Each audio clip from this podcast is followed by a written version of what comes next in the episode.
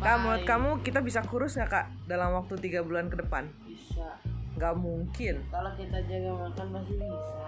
Ah, emang maksud kamu namanya jaga makan apa?